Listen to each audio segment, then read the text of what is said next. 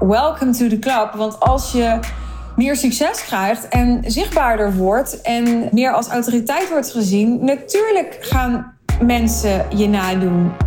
That's what happens.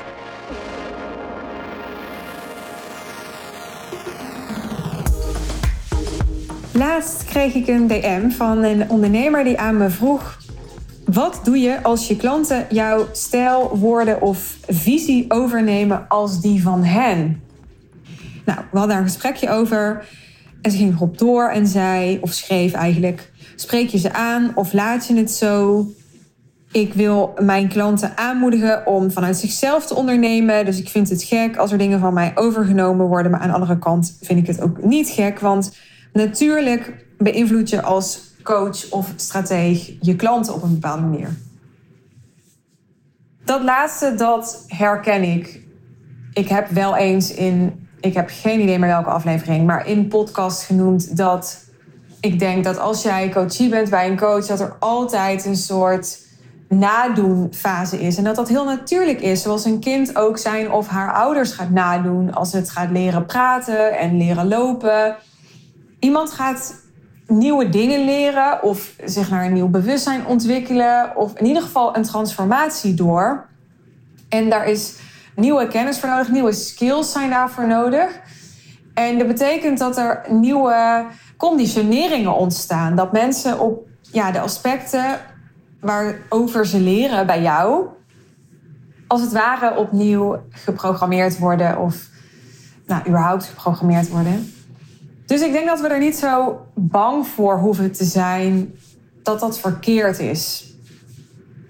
Neem natuurlijk niet weg dat het in, in ieders belang is als mens om ja, zo authentiek mogelijk en, en dichtbij mogelijk jouzelf te leven. Alleen dat is misschien wel een, een levenslange zoektocht, een levenslange journey.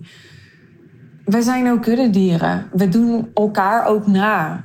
Ik weet niet wat jij hebt gedaan op de middelbare school, maar ja, ik weet nog dat ik naar de brugklas ging met zo'n enorme Kipling-tas. En dat ik na een week dacht, nou, volgens mij is dit echt helemaal niet cool. En dat ik toen die rugzak uh, ergens in de hoek van mijn kamer heb gegooid. En een hele coole schoudertas heb gekocht. En de rest van mijn uh, middelbare schoolcarrière met zijn schoudertas liep. Ja, eigenlijk helemaal niet gemaakt was voor die boeken en zo. Maar wel cool was. Dus ja, dat wij beïnvloed worden door onze omgeving. En zeker door mensen die we zien als autoriteit. Of ja, waar we in geïnvesteerd hebben om ze na te kunnen doen. Hè. Dat is wat er zeker speelt als jij eh, als coachie of als leerling investeert in een mentor. Ja, dan investeer je in iemand om ja, dat wat je wil bereiken te leren van iemand die die reis al heeft afgelegd of die ja, dat pad op een bepaalde manier al heeft bewandeld of die de ervaring waar jij naar zoekt, de senioriteit waar jij naar zoekt, al heeft ik maak me daar dus helemaal niet zo druk om dat ik mijn coaches beïnvloed en dat ze dan ja, mijn visie overnemen of gaan praten zoals ik. Ook omdat als jij je richt op high-end klanten, en ik heb allemaal echt fantastische high-end klanten, dat, dat zijn allemaal hele bewuste, slimme, emotioneel volwassen mensen die niet meer geloven als ze dat al ooit deden dat dat ik um, beter ben dan zijzelf. Of die op een bepaalde manier geloven dat als zij mij zijn, dat ze dan gelukkiger zijn of zo. Daar is helemaal geen sprake van. Dus natuurlijk worden ze beïnvloed. En natuurlijk nemen ze, zeker als ze bijvoorbeeld business coach zijn, vaak voor een heel groot deel mijn visie over. Ja, ik vind dat alleen maar heel erg logisch. Want het zou ergens ook gek zijn als iemand bij mij komt om te leren om het high-end business model heel, heel slim en goed te implementeren. En dan zelf er een totaal andere visie op nahoudt. Dat, dat is bijna niet te verenigen.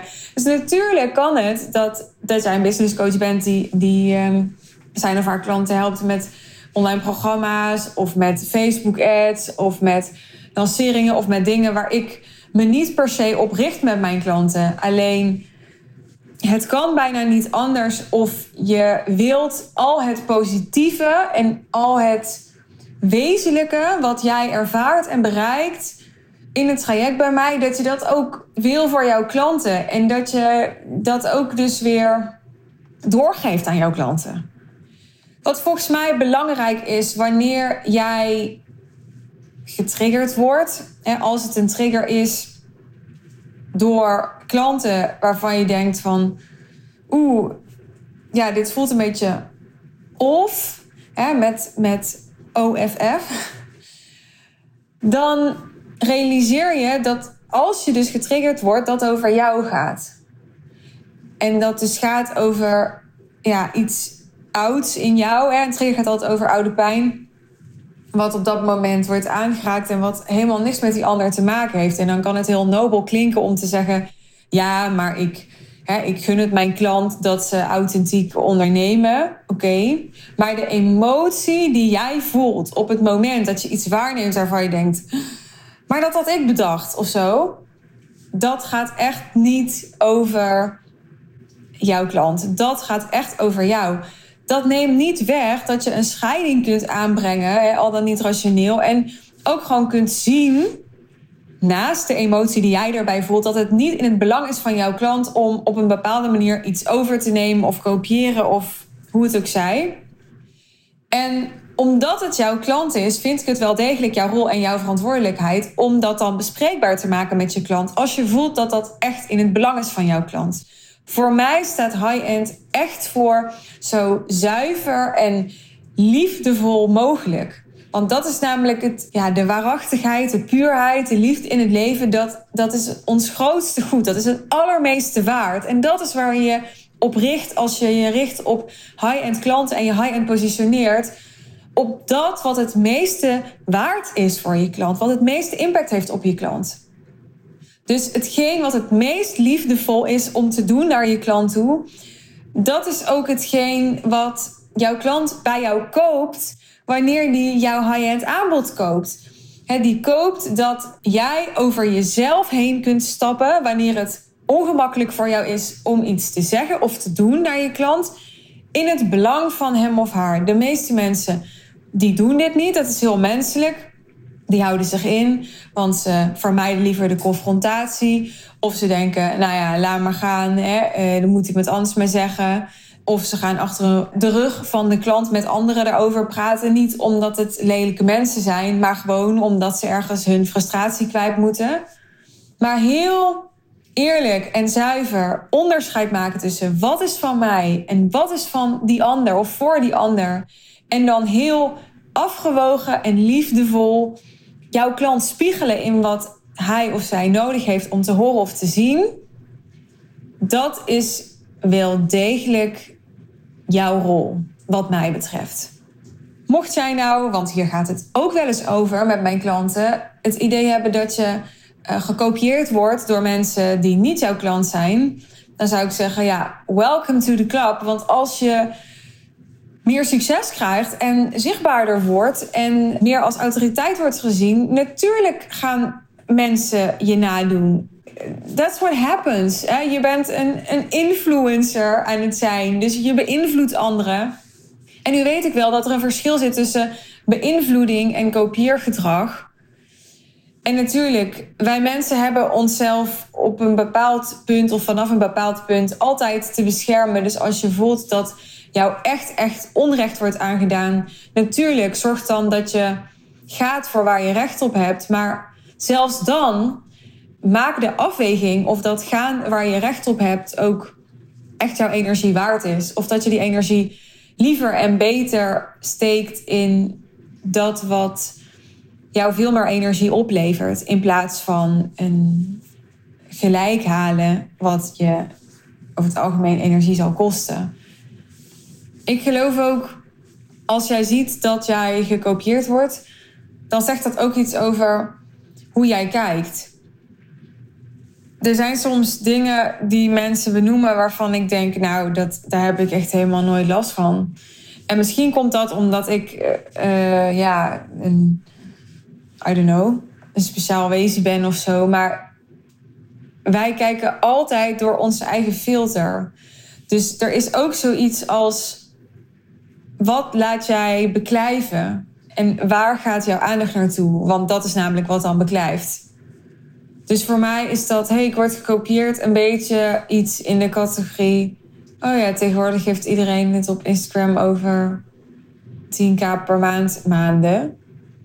Ja, wat maakt dat jij daar druk om maakt? Wat, wat wil je daarmee? Gaat dat jou succesvoller maken? Ik denk dan aan wat uh, Byron Katie zegt in uh, de podcast met Oprah, waar ik uh, een tijdje geleden zelf een podcast over maakte.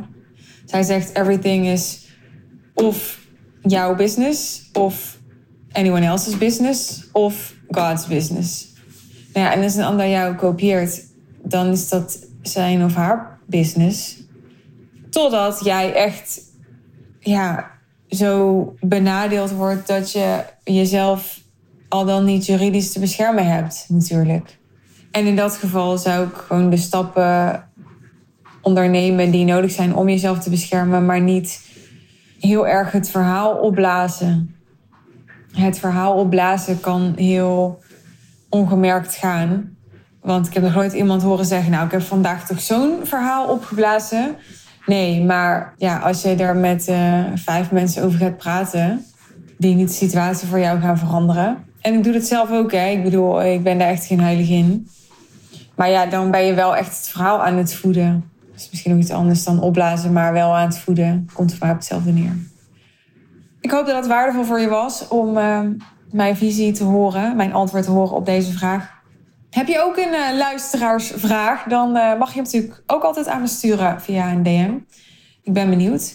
Als jij deze podcast hoort, dan uh, zitten wij ja, midden in de Real Deal Life, denk ik. Super cool, man. Ja, ik denk dat deze podcast woensdag online gaat komen. En dat is de tweede dag van de Real Deal Live, waarbij we alle klanten in de Real Deal ontvangen. Op dinsdag ontvangen we pot 1 tot en met 3. Op Woensdag ontvangen we pot 1 tot en met 4. En op donderdag komt alleen pot 4. En uh, ja, ik uh, ben vast enorm aan het genieten. Als je benieuwd bent, dan uh, check zeker mijn Instagram. Daar komt ongetwijfeld het een en ander voorbij deze dagen. Wil je er de volgende keer ook zeker bij zijn? Ja, dan raad ik je aan om je call te boeken met ons over de Real Deal.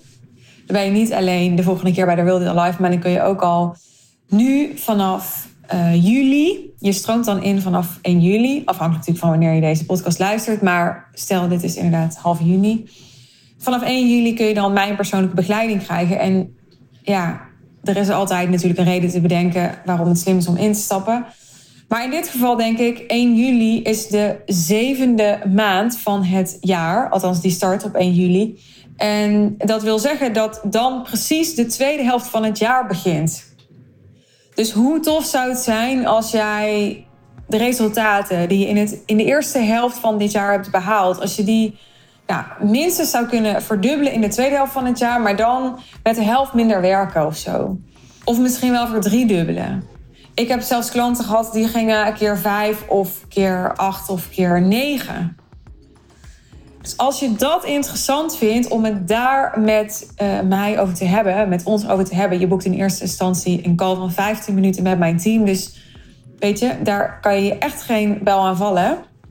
Dan uh, boek je call via de link in de show notes. Ik uh, kijk er enorm naar uit om je te spreken. Dankjewel voor het luisteren. Wil je op de hoogte blijven van komende afleveringen? Zorg dan dat je geabonneerd bent op mijn kanaal of dat je mijn kanaal volgt op Spotify. Oké? Tot de volgende keer. Bye.